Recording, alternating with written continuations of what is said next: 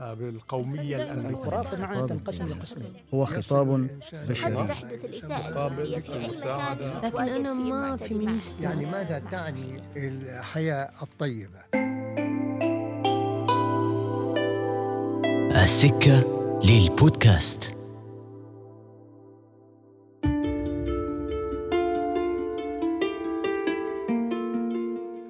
السلام عليكم ورحمة الله وبركاته. أهلا بكم في حلقة جديدة من بودكاست السكة. في كل شهر آخذكم أنا تركي البلوشي في مسافة الأفكار عبر استضافة شخصيات مختلفة. في هذه الحلقة أستضيف الصحفية السعودية والمذيعة بإذاعة مونte كارلو الدولية دكتورة إيمان الحمود. أهلا بك إيمان هنا في العاصمة مسقط.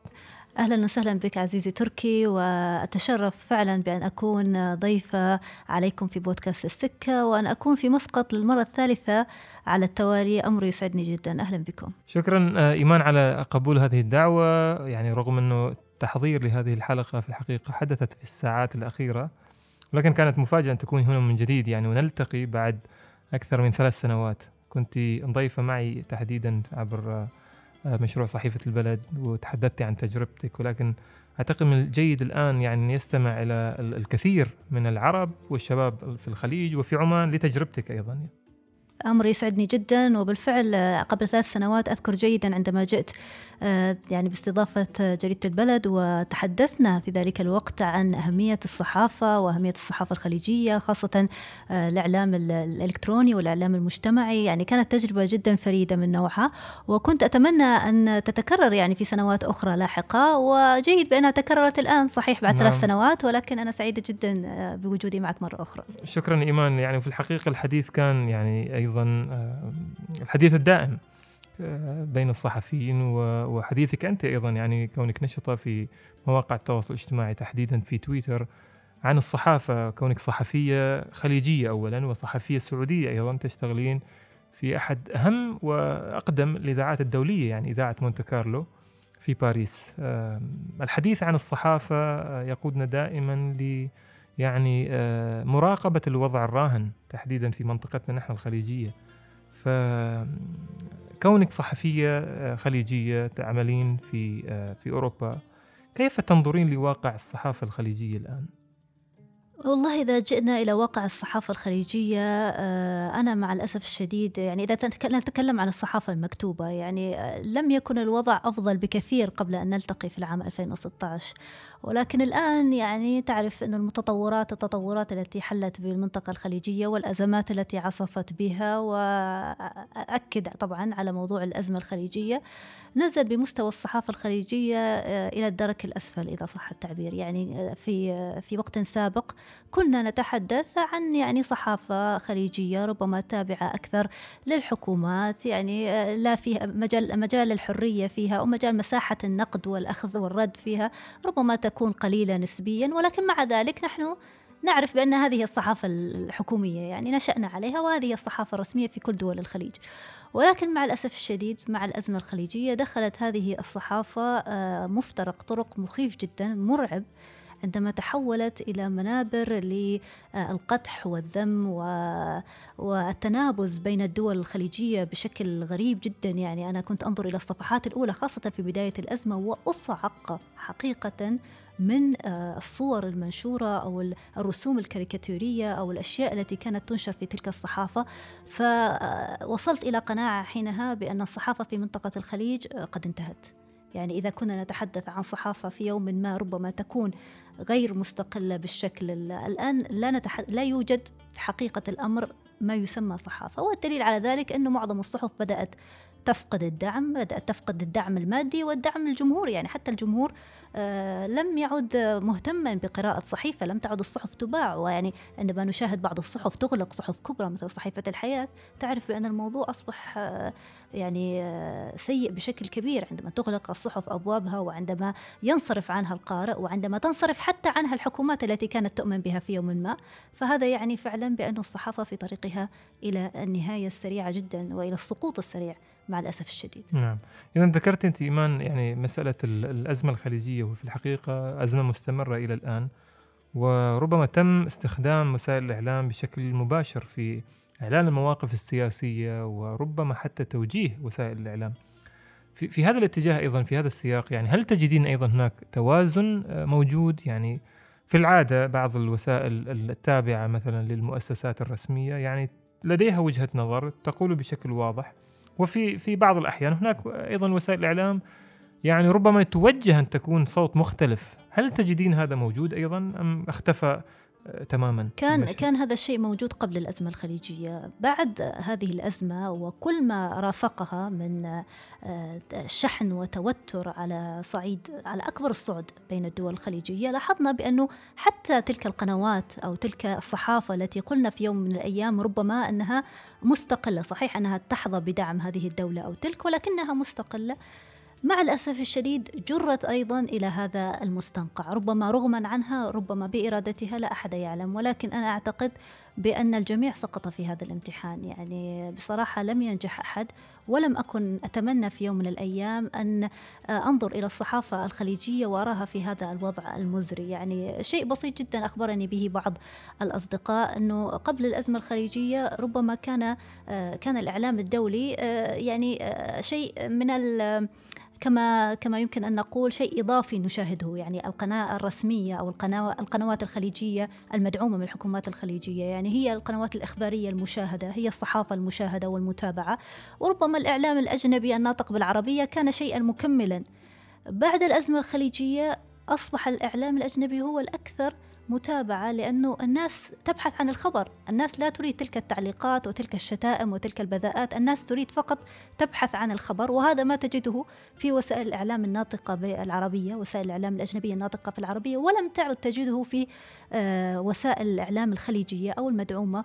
من دول خليجية والتي كما ذكرت في بداية حديثي سقطت بشكل مريع في هذا الاختبار. نعم. يعني هذه إيمان هذه مسألة مهمة أيضا يعني تبعاتها ربما تكون خطيرة. لا أدري هل تتفقين معي في هذا الجانب.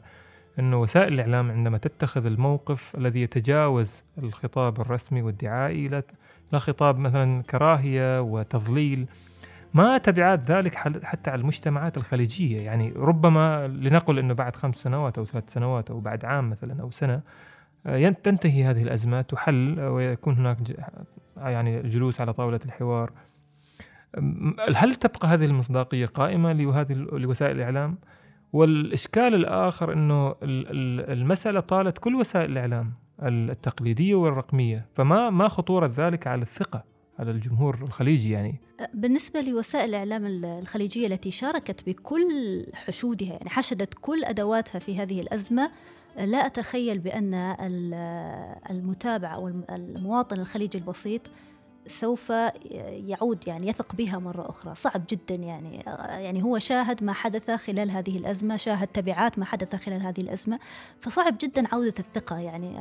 يعني أنا مرة سئلت عن هذا السؤال وأنا أقول يعني فعلا هناك حاجة إلى إعادة غربلة وسائل الإعلام في منطقة الخليج. هناك حاجة إلى إيجاد وسائل إعلام جديدة أو بديلة لكل تلك الوسائل التي آه، دخلت في غمار آه، حرب الأزمة الخليجية، أنا أسميها حرب لأنها حرب باردة أكثر من كونها حرب ساخنة بالأسلحة، لكن استخدمت فيها ما هي أخطر من الأسلحة، أنت بالأسلحة تقتل شخص وتنهي حياته ولكنك بوسيلة إعلامية تزرع فيها الكراهية وثقافة بث الفرقة والفتنة. أنت أنت تبث يعني تقضي على مجتمعات كاملة وعلى الثقة بين هذه المجتمعات وتزرع تزرع الكراهية يعني زراعة الكراهية داخل المجتمعات مثل المجتمعات الخليجية هي الأكثر ترابطا بين شعوب المنطقة العربية. يعني كمية النسب كمية تبادل ال ال ال يعني العلاقات الاجتماعية. العلاقات الاجتماعية النسب حتى م. أماكن العلم يعني العمل. يعني نحن في يوم من الأيام كان المواطن الخليجي يعمل في أي دولة كأنه مواطن خليجي لا يوجد أي فرق بينه وبين مواطن خليجي آخر. يعني خاصة في بعض الدول الخليجية تعامل المواطن الخليجي كما تعامل مواطني بل اليوم هناك فرقة كبيرة هناك شرخ كبير صدع كبير حدث بين هذه المجتمعات وأعتقد يعني يحتاج ذلك إلى سنوات وسنوات وربما إلى جيل آخر لينسى تخيل لينسى فقط هذين العامين إذا كنا نتحدث كما يقول البعض عن قرب لانتهاء هذه الأزمة نحن لدينا عامين من الفرقة من هذا الشرخ من هذا الصدع يحتاج إلى سنوات طويلة لإعادة الثقة داخل نعم. هذه المجتمعات م. إيمان أنت أيضا كنت يعني ت- آه، لديك علاقات جيدة وشبكة واسعة من العلاقات مع الكثير من الزملاء الصحفيين هنا في منطقة الخليج. هل يدور نقاش حول هذا الجانب؟ يعني هل يدور نقاش موضوعي يعني وواضح وصادق حول إنه تبعات ما يحدث في الصحافة الخليجية وأيضا استثمار كل هذه الأموال في منطقة الخليج لاستهداف الدول بعضها البعض نتيجة الخلاف السياسي ونتيجة أيضا اختلاف السياسات سواء وتحديدا السياسة الخارجية. يعني رب معظم ال- ال- المشاكل أو الخلافات الحادثة هي بسبب توجهات اختلافات سياسية في السياسة الخارجية. فهل هناك حديث معك مع زملاء آخرين؟ ما هي وجهة نظرهم أيضا؟ والله أنا يعني ألتقي بعديد من الزملاء آه، سواء في باريس أو في مناطق أخرى نلتقي بالصدفة أحيانا ونتحدث. ويعني اللي يسعدني يعني اللي أفرح فيه أحيانا أنه أعرف أنه هذا الزميل آه، صحفي يشتغل في وسيلة إعلامية جدا حكومية ومضطر أنه يقول هذا الكلام لكنه بعد إنهاء عمله بعد انتهاء وظيفته هو غير مقتنع بما قال. هذا أساسا خطوة جيدة جدا. يعني هذا يعني بأن الناس آه، استخدمت بشكل ما وبآخر في هذه الحرب ولكنها غير مقتنعة بما يحدث. يعني ربما نعم ربما غير قادر أيضا أن يعلن عن موقف. طبعا لأنه يعني في النهاية هذا رزقه يعني آه، وعمله ووظيفته يعني لا يمكنه أن آه، يعني أنت م- يعني هناك أشخاص محظوظين ربما آه، اشتغلوا أو عملوا في وسائل إعلام بعيدة عن هذه الأزمة أو غير غير مم. مكترثة بها ولا تدخل في صراعها ولكن هناك زملاء كثيرون يعني يعملون داخل داخل تلك الوسائل وداخل تلك تلك ال- الصحافة وداخل. فيعني هؤلاء الزملاء عندما أجلس معهم أشعر بالألم الذي يعتصرهم لأنهم يكتبون شيئا هم غير مقتنعين فيه يقولون شيئا هم غير مقتنعين فيه ويتمنون يعني يتمنون في كل مرة أن تنتهي هذه الأزمة. يعني أذكر أحدهم وغير قادرة على ذكر اسمه الآن يقول بأنه هو إعلامي مشهور جدا. قال لي في في أحد اللقاءات أنه أنا كنت أنتظر أن هذه الأزمة تنتهي غدا أو بعد غد حتى أعود لأكون صحفيا جامعا لكل الخليج وأمثل كل الخليج. ولكن مع مرور الوقت ومرور الزمن بدأت أشعر بأن الأمل يقل وبدأت أشعر بأني يجب أن أبتعد عن الصحافة برمتها وأجد عملا آخر. عندما يصل الصحفي أو الكاتب إلى هذا الشعور حينها تشعر بمدى الألم حينها تشعر بمدى الأسى الذي تعيشه آه، أو الذي يعيشه واقع الصحافة في منطقة الخليج. نعم. يعني آه، أيضا في في هذا الجانب إيمان في ظل هذه وجود هذه المسؤولية الداخلية مع بعض الصحفيين ربما تجاه المجتمع تجاه القارئ تجاه يعني أيضا مبدأ الص- ال- ال- ربما مبدأ كصحفي أيضا. أين يعني أين ي- يكون موقع الجمهور؟ أين هو موقع الجمهور فعليا من هذه المؤسسات؟ وكيف ينظر ال ال ال يعني المجتمعات الخليجية؟ لو قلنا المجتمعات الخليجية في هذه الدول كيف تنظر آه، للصحافة الآن من وجهة نظرك؟ يعني هل هناك نظرة مصداقية؟ هل هناك نظرة ثقة؟ لا أعتقد بأن هناك أي ثقة أو أي مصداقية من قبل الجماهير الخليجية بصحافتها. أنا أنا أتكلم ليس عن طبقة الإعلاميين ولكن أتكلم حتى عن طبقة الناس العاديين الذين أتكلم أتكلم معهم وأتحدث معهم. هناك آه، نوع من الصدمة إذا صح التعبير بعد الأزمة الخليجية نوع من الصدمة. لأنه حدثت أزمة في عام 2014 وكانت الدول الخليجية سحبت سفراء وكان- وكانت أزمة سياسية كبيرة. ولكنها لم تنزل إلى مستوى الجمهور لم تستخدم العوائل والناس العاديين كأدوات في هذه الأزمة لم تستخدم أسلوب التحريض لم تستخدم أسلوب يعني كان هناك أزمة حلت ربما أو لم تحل وبقيت رواسبها وأدت بنا إلى الأزمة الجديدة اللي هي في 2017 ولكن في نفس الوقت لم يكن التعامل مع وسائل الإعلام بهذه الطريقة التي تمت في في 2017 ولم يكن التعامل مع الجماهير بهذا بهذه الطريقة من التحشيد ومن آه، ومن محاولة آه، زرع الفرقة. يعني شخص مثلا آه، متزوج آه، سعودي متزوج من قطرية أو قطرية متزوجة من سعودي هل تتوقع بأنه وسائل الإعلام قادرة على بث الفرقة بين أفراد عائلة متعايشة طوال تلك السنوات؟ عوائل متعايشة منذ سنوات وقبائل متعايشة منذ سنوات. الخاسر الأكبر هي وسائل الإعلام الخاسر الأكبر هي مصداقيتها أمام الجمهور الخاسر الأكبر هي مصداقية هؤلاء الصحفيين هؤلاء الصحفيين عندما يعودون في يوم ما الآن ويكتبون عن الصلح الخليجي أو يكتبون عن عودة المياه إلى مجاريها.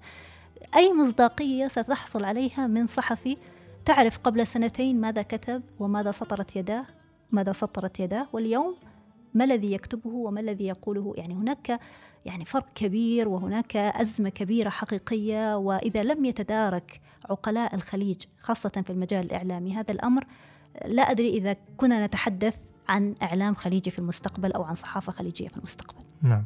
آه، اتجهت الإنظار آه، إيمان يعني أيضا بعد كل هذه ال يعني آه، الخلافات التي انطلقت من الغرف الرسمية إلى وسائل الإعلام ومن ثم وصلت إلى آه، شطآن الإعلام ال- الجديد في مواقع التواصل الاجتماعي. تويتر الآن خطابات يعني آه، مليئة بالكراهية وبالاتهامات وأيضا بالسباب وبالشتائم وبالإشاعات ضد الدول بعضها البعض. يعني في المنطقة الخليجية وكل أصبح يعني مسؤول آه، آه، في توجيه الاتهامات عن الشخص الآخر ابتداء من المسؤول الرسمي الذي يحمل صفة وظيفية محددة انتهاء بالمواطن العادي. اليوم الخطاب هو خطاب آه، جماهيري لم يعد مركز مركزيا كما كان في السابق عبر وسائل الإعلام معينة. أصبح يعني فضاء مفتوحا لم يعد أحد يعرف ما هو مصدر هذه يعني ما هو تقييمك لهذه ال- ال- الصورة الآن؟ ما خطورتها أيضا؟ أن تتحول ال- ال- هذه المسألة كلها كعادة وكروتين. هذا هذا ما كنت أتحدث عنه. يعني هذه وسائل التواصل الاجتماعي. كانت المساحة الوحيدة للمواطن البسيط للتعبير عن رأيه أو لقراءة ما يريد أن يقرأه أو يريد أن يصل إليه. يعني بعيدة عن الوسائل الرسمية بعيدة عن الوسائل جاءت الأزمة الخليجية أنت تتحدث عن هذه الحسابات أو عن هذه الشخصيات الرسمية. أنا هذا الكلام ربما مضى عليه بعض الوقت. الآن هناك حملة في تويتر وأنا بصراحة يعني آه، أشجع هذه الحملة لإغلاق كل هذه الحسابات أو تعليق الحسابات التي آه، تبث الفتنة أو تحرض على آه، الكراهية بين شعوب منطقة الخليج. هذا أمر آه، أعتقد بأنه آه، جاء متأخرا خطوة متأخرة. ولكن جاءت تحت الضغط ويبدو بأن الموضوع آه، قد قد نجح. ويعني فعلا نشكر تويتر أنه قام بهذه آه، بهذه المسألة، قام بهذه الخطوة حتى لو جاءت متأخرة، أن تصل متاخرا أفضل من أن لا تصل ابدا. ولكن المشكلة الحقيقية بأنه تلك الحسابات قد نجحت في زراعة هذا الفكر ال- ال- التحريضي داخل عقول بعض الشباب يعني بعض الناس البسيطة الغير قادرة على الاستيعاب. يعني الآن نتحدث عن حسابات وهمية يتم إغلاقها وذباب إلكتروني يتم إغلاقه ولكن هناك حسابات حقيقية. أشخاص بشخصيات حقيقية مقتنعين الآن بكل هذا الكلام الذي كان يبث عبر وسائل التواصل الاجتماعي وعبر تويتر بشكل خاص. يكلمك من كل قناعته بأن الدولة الفلانية هي كذا وكذا وكذا وأن العائلة الفلانية العائلة المالكة الفلانية الحاكمة الفلانية هي كذا وكذا وكذا. ف يعني نجحوا من حيث لا يدرون ولكن نجحوا أيضا في تسميم بعض العقول. الآن كيف يمكن أن نعيد تأهيل هذه العقول وأن نعيد الثقة إلى وسائل التواصل الاجتماعي وإلى هذا أمر يعني يحتاج فعلا أنا بصراحة أدعو إلى مؤتمر خليجي لو حلت الأزمة في يوم ما أن يتم عقد مؤتمر خليجي إعلامي كبير تضع فيه خطة خليجية لإعادة تأهيل وسائل الإعلام. التقليدية والجديدة وبما في ذلك وسائل التواصل الاجتماعي حتى نعيد الجو الذي كان موجودا قبل العام 2017 حتى نعيد الناس إلى تلك الفترة التي كانوا فيها يعبرون عن رأيهم بكل بساطة يعني كان المواطن البسيط يعبر عن رأيه بكل بساطة ولم يكن يحصل على كل هذه الكمية من السباب والشتم واللعن في حال لو خالف رأي أحد. لكن آه، ألا تجدين أيضا آه، في هذا الجانب أنه ما يحدث الآن في الإعلام الاجتماعي هو في الحقيقة برعاية رسمية من يعني لا يمكن إنكار بأنه الدول في الحقيقة تشجع لأن كل دول الخليج وقعت اتفاقيات أمنية ومن بينها عدم التطاول والإساءة للشخصيات الر- الرسمية والشخصيات الحاكمة. يعني ما يحدث هو في النقيض اليوم. فهناك آه، يعني في هذا الجانب من ناحية ال- القوانين الدولية والقوانين الإقليمية يعني أو الاتفاقيات الدولية والإقليمية بأنه عادة يعني إذا لا يمكن هناك التزام بالقوانين هذه فهناك المصداقية يعني لدى ال- المواطن العادي تكون مهزوزة بأنه يمكن هذا ما يتفق عليه اليوم أن يلغى في الغد يعني ألا تتفقين في هذه الجزئية؟ هو صحيح وهذا ما حدث بالفعل. يعني في يوم من في يوم واحد فقط كل هذه الاتفاقيات الأمنية التي التي تحدثت عنها قبل قليل خاصة فيما يتعلق بالمس بالشخصيات الرسمية أو بالشخصية كلها أصبحت هباء منثورة. وأصبحت يعني أبرز الشخصيات الرسمية هي مجال لي آه، ليس النقد فقط يعني يا ريت النقد البناء يعني وهذا ما كنا ندعو إليه دائما يعني إذا كان في شيء هناك آه، لا أصبحت لل- للاستنقاص وللاستهزاء ولبث النكت والرسوم وال- يعني كانت يعني يعني افقدوا آه، رموز منطقة الخليج. هذه الرموز التي كنا في يوم من الأيام نقول بانه هذا يعني رمز في المنطقة يعني يجب أن يحترم. أص... لا يوجد هناك احترام. أصبحت الناس لا تحترم بعضها بعضا. من أبسط مواطن في في وسائل التواصل الاجتماعي إلى أكبر الشخصيات الرسمية. وهذا ما يحز في النفس هذا ما يشعرك بالألم. أن تصل الناس في منطقة كمنطقة الخليج كانت الأكثر تعايشا والأكثر سلاما في يوم من الأيام أن تصل إلى هذه المرحلة. فأنا فعلا أدعو أنه نقف وقفة جادة ونقول إلى أين إلى أين وصلنا. هل يمكن العودة؟ هل هناك طريق عودة؟ أم أنه هذا هو السؤال يعني فعلا هل هناك طريق للعودة بعد هذه الخلافات؟ طريق للعودة حتى لوسائل الإعلام يعني كيف لوسيلة إعلام؟ مثلا عمرها 20 سنة تتحدث مع الجمهور على أنها يعني على أن أولويات الجمهور هي, هي الأساس ومن ثم تتحول السياسات وتختلف ويعني هو هذا السؤال الآن.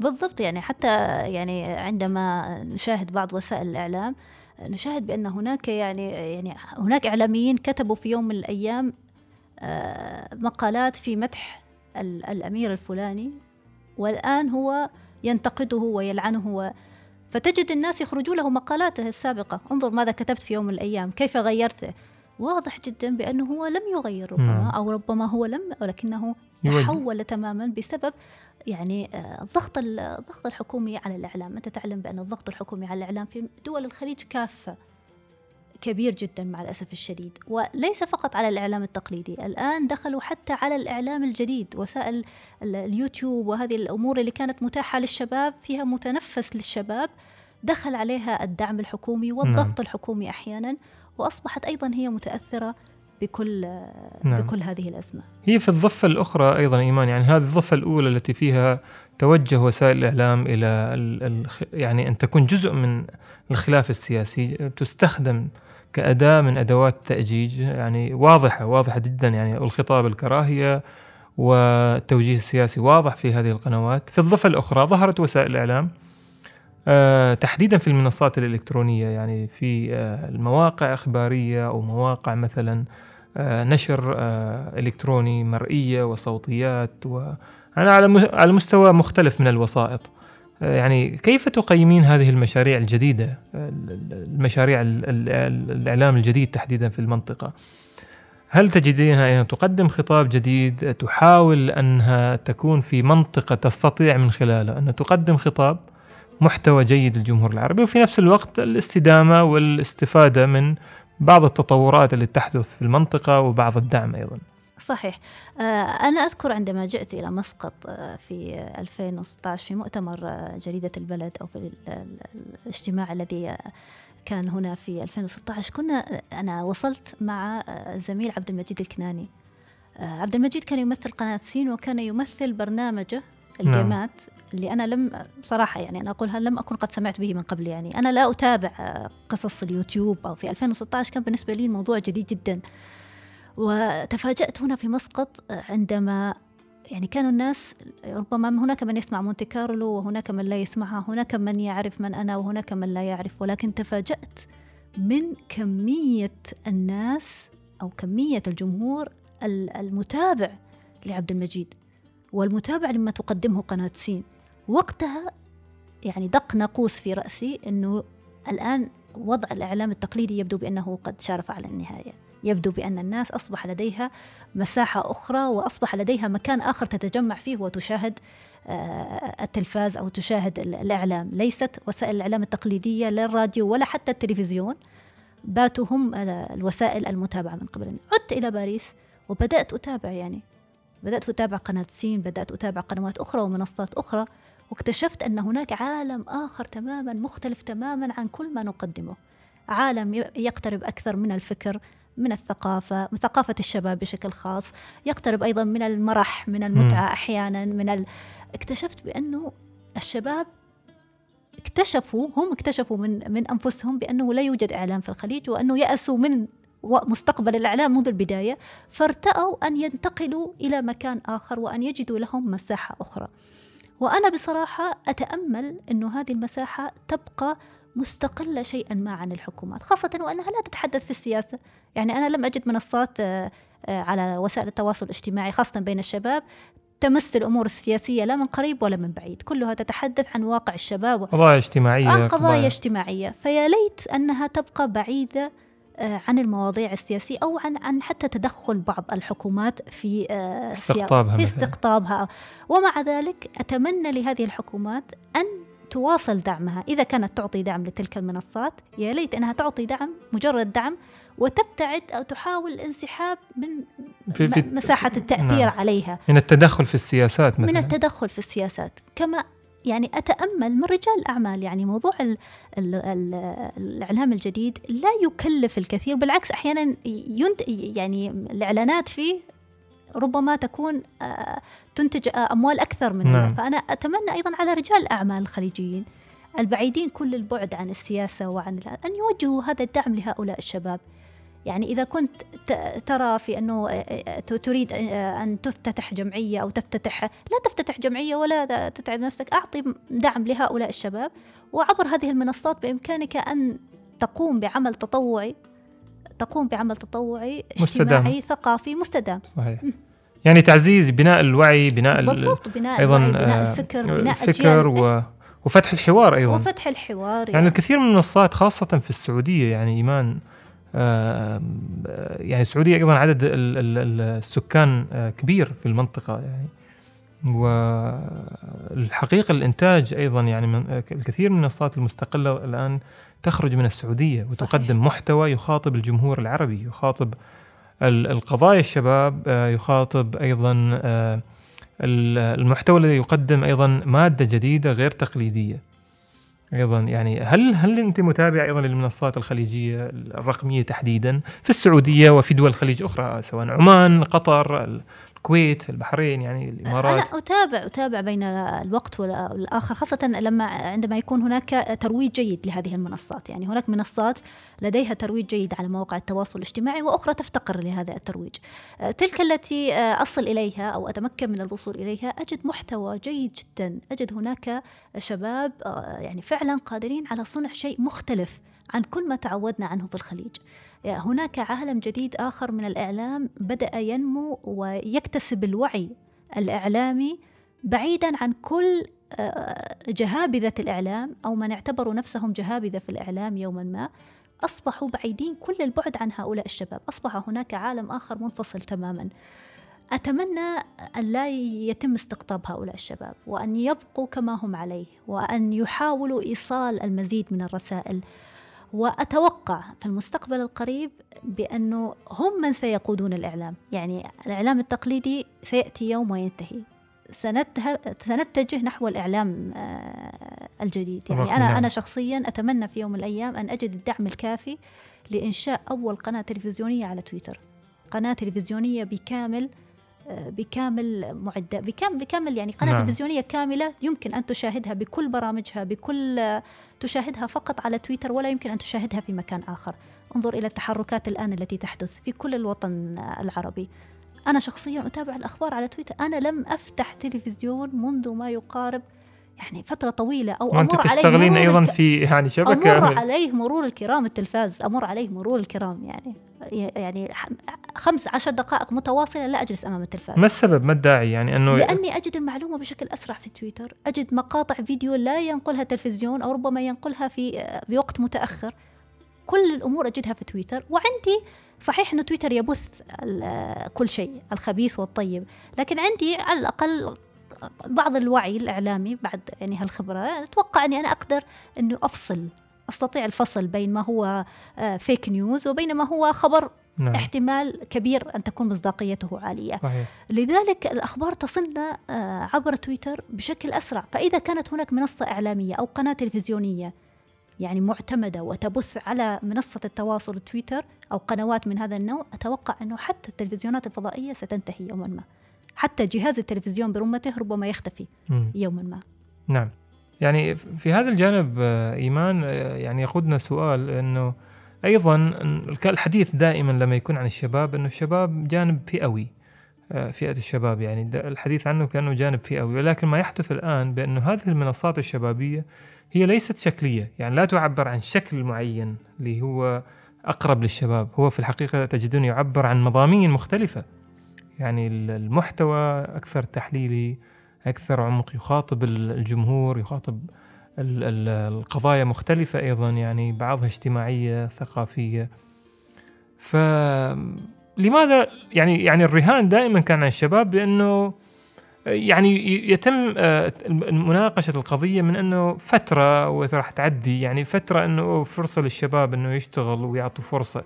يعني في هذا السياق اللي مرتبط فقط بمسألة الفرصة مسألة المرحلة لا يوجد تفكير أعمق من من آه، من من ذلك. أنا لا أتوقع أنها مجرد فرصة ولا مجرد مرحلة والدليل على ذلك أنه الكثير من الشباب ممن بدأوا الإعلام الجديد قبل ثلاث أربع سنوات انظر الآن إلى أين وصلوا وانظر بعد عشر سنوات إلى أين سيصلون.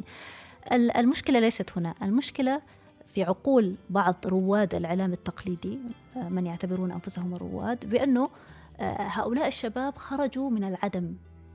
لم تكن لديهم واسطة لم تكن لديهم شلة وصلتهم إلى هذه الصحيفة أو تلك أو إلى وسيلة الإعلام الفلانية أو تلك واعتمدوا على جهود ذاتية بسيطة بسيطة جدا بإمكانك أن تقوم بفعل يعني بعملها داخل المنزل.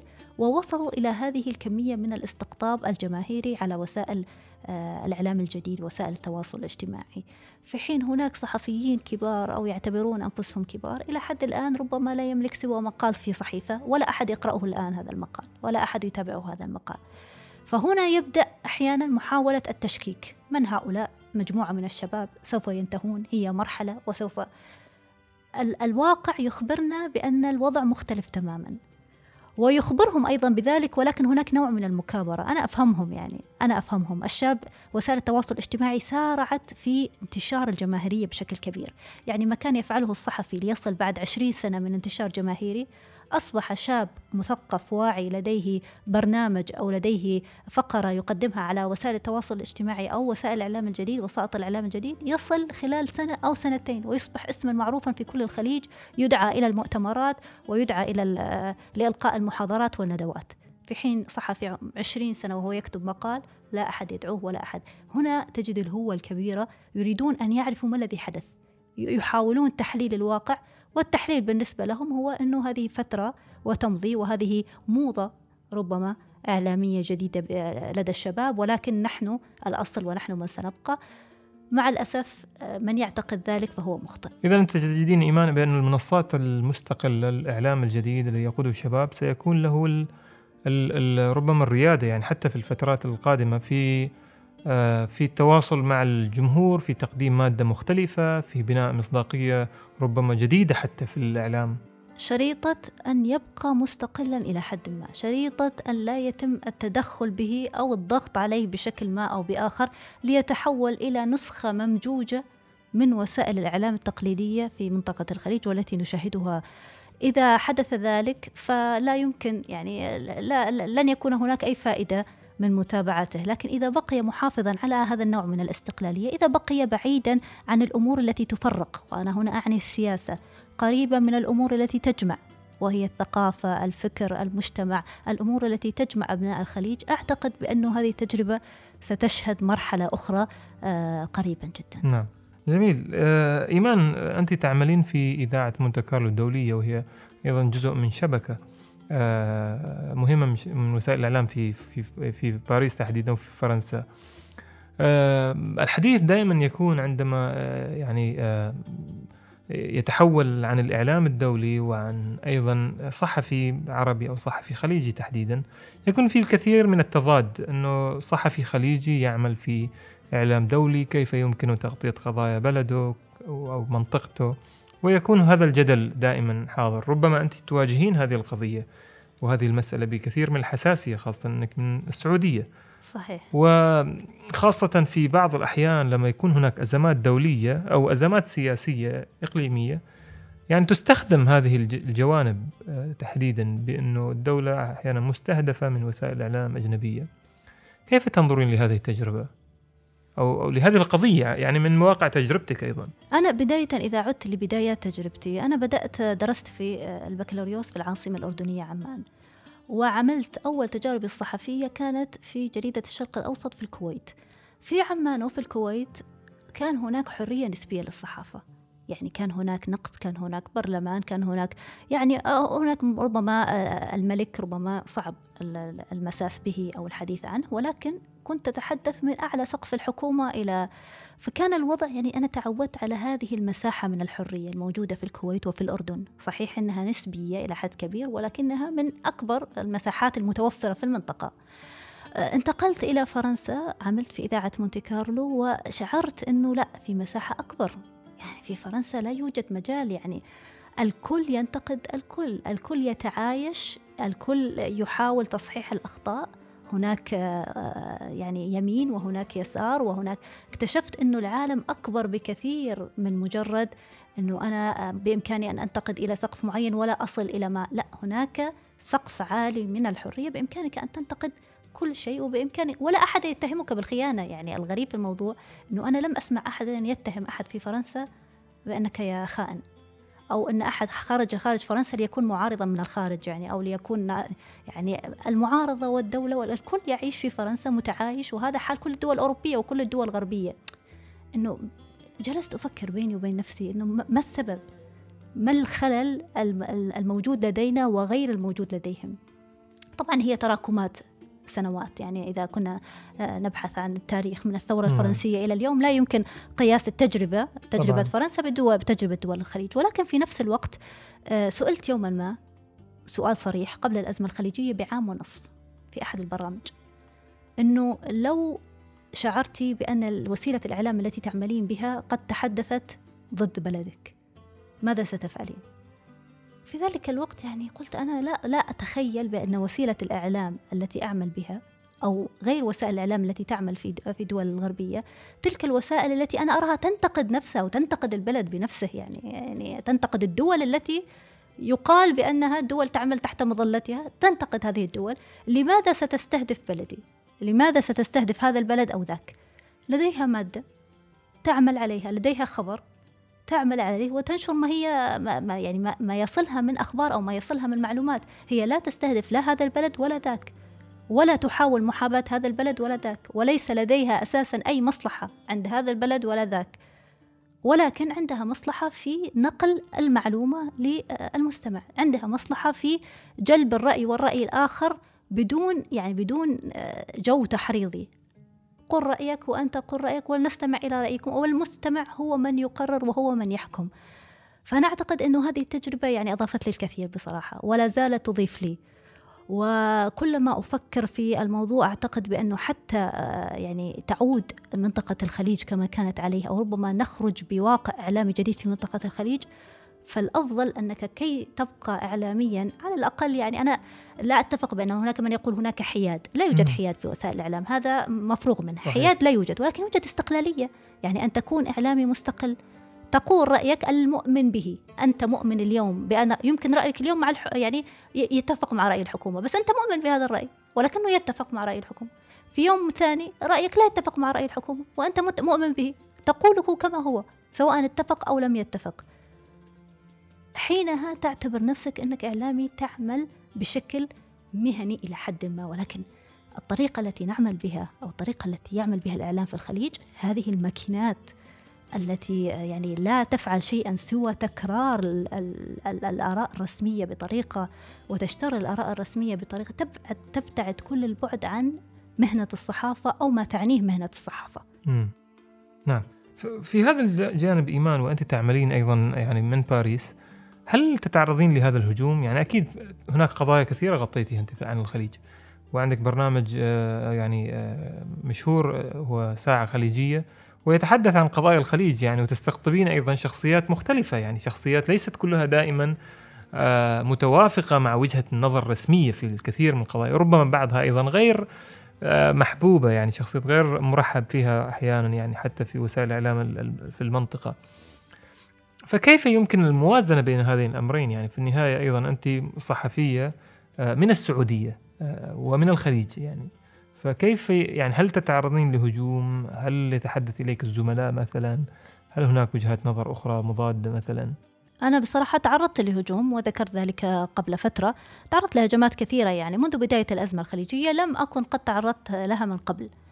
لم أكن قد تعرضت لمثل تلك الهجمات من قبل خاصة في مواقع التواصل الاجتماعي و آه، البرنامج حاولت قدر الممكن قدر الممكن أن أنأى به عن هذه الأزمة أن يكون منبرا مفتوحا لكل الدول الخليجية ولكل الضيوف الخليجيين. أعتقد بأننا نجحنا إلى حد كبير ولكن في نفس الوقت أنا ألاحظ شخصيا انخفاض سقف حرية التعبير لدى الضيوف الخليجيين.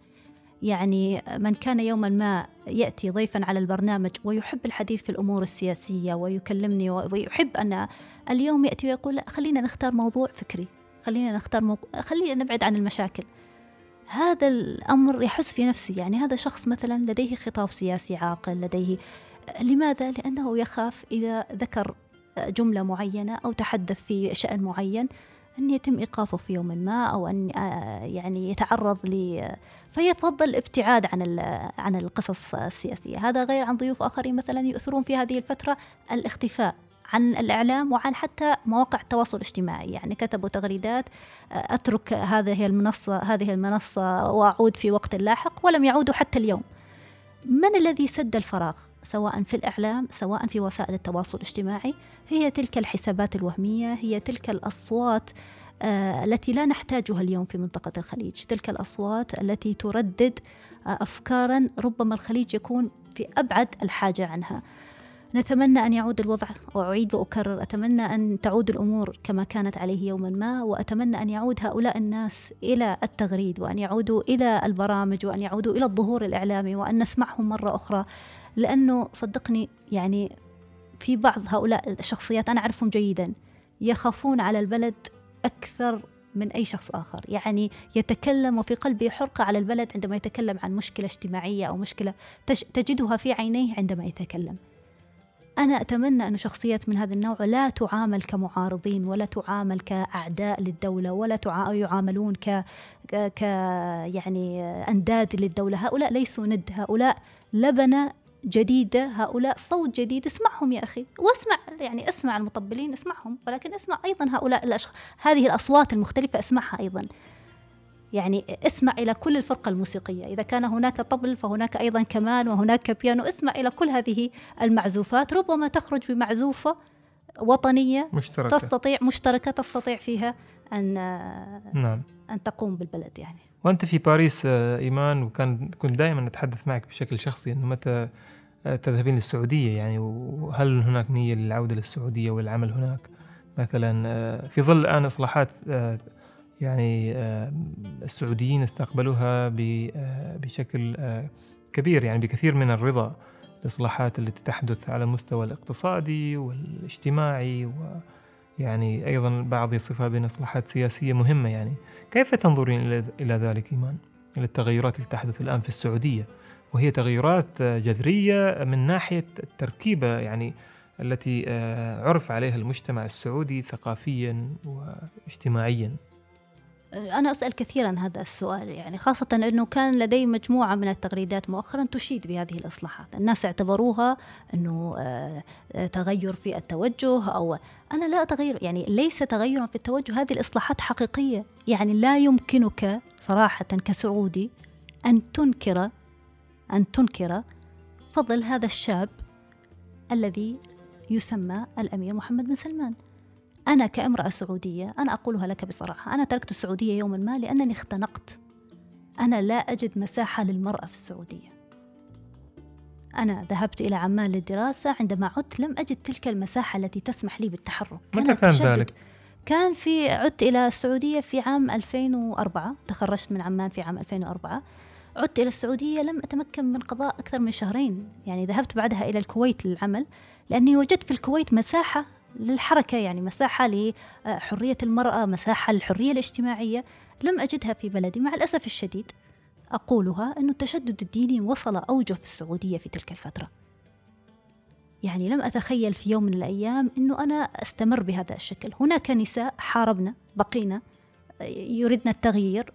أنا أرفع لهن القبعة أنهم بقي بقينا حتى هذا اليوم الذي لم يتخيل أحد أنه يصل بهذه السرعة. أنا بالنسبة لي يعني كنت فاقد الأمل. كنت أعتقد بأن هذا اليوم لن يأتي أبدا. إلا إذا جاءت قيادة جديدة يعني مختلفة يعني من هو الشخص الذي يمكن أن يقتلع جذور التشدد الديني في السعودية وبهذا الشكل؟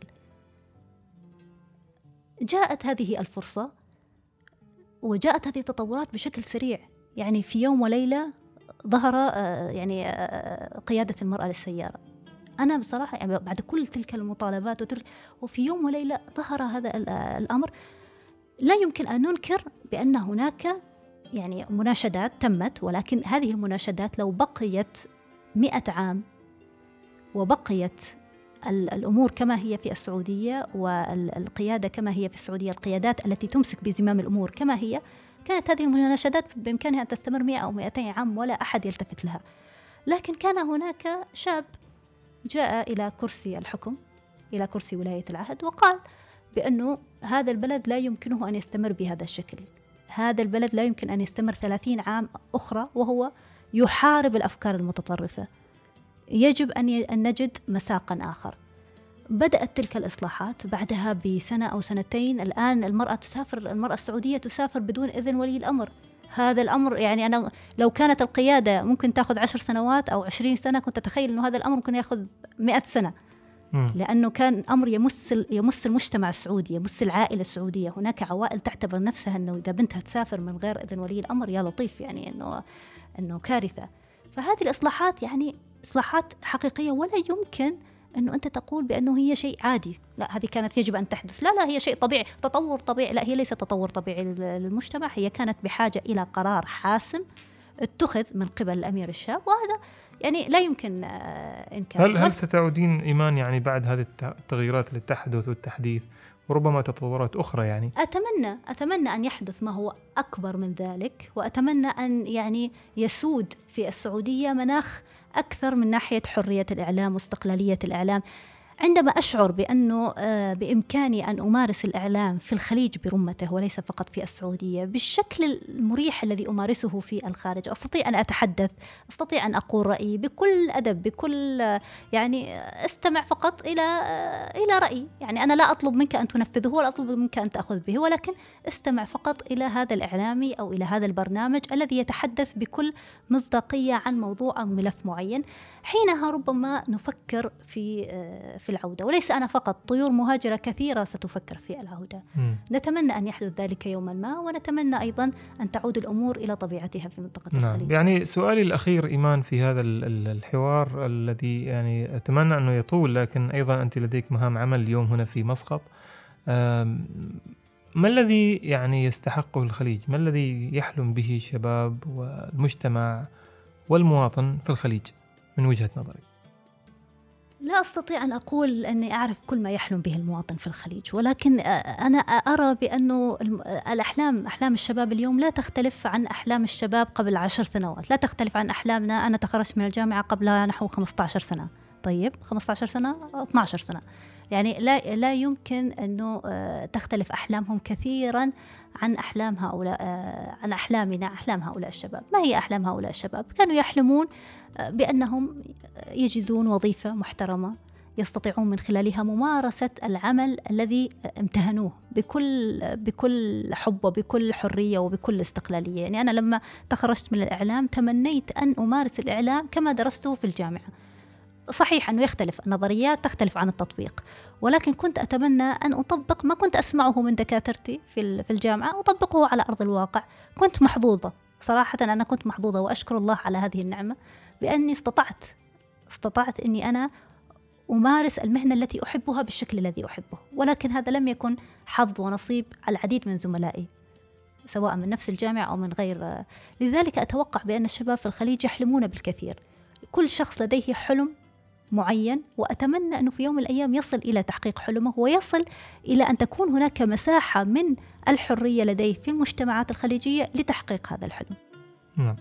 إيمان حمود آه، صحفية السعودية والمذيعة بإذاعة مونte كارلو الدولية يعني أشكرك أنك قبلت الدعوة لتكوني ضيفة معنا في بودكاست السكة وشكرا لهذا الحوار أيضا. وأنا أشكركم ولي الشرف الكبير بأن أكون معكم في هذه الحلقة. شكرا جزيلا عزيزي تركي وشكرا لضيافة وحسن الضيافة في هذا البرنامج. شكرا, شكرا لك إيمان.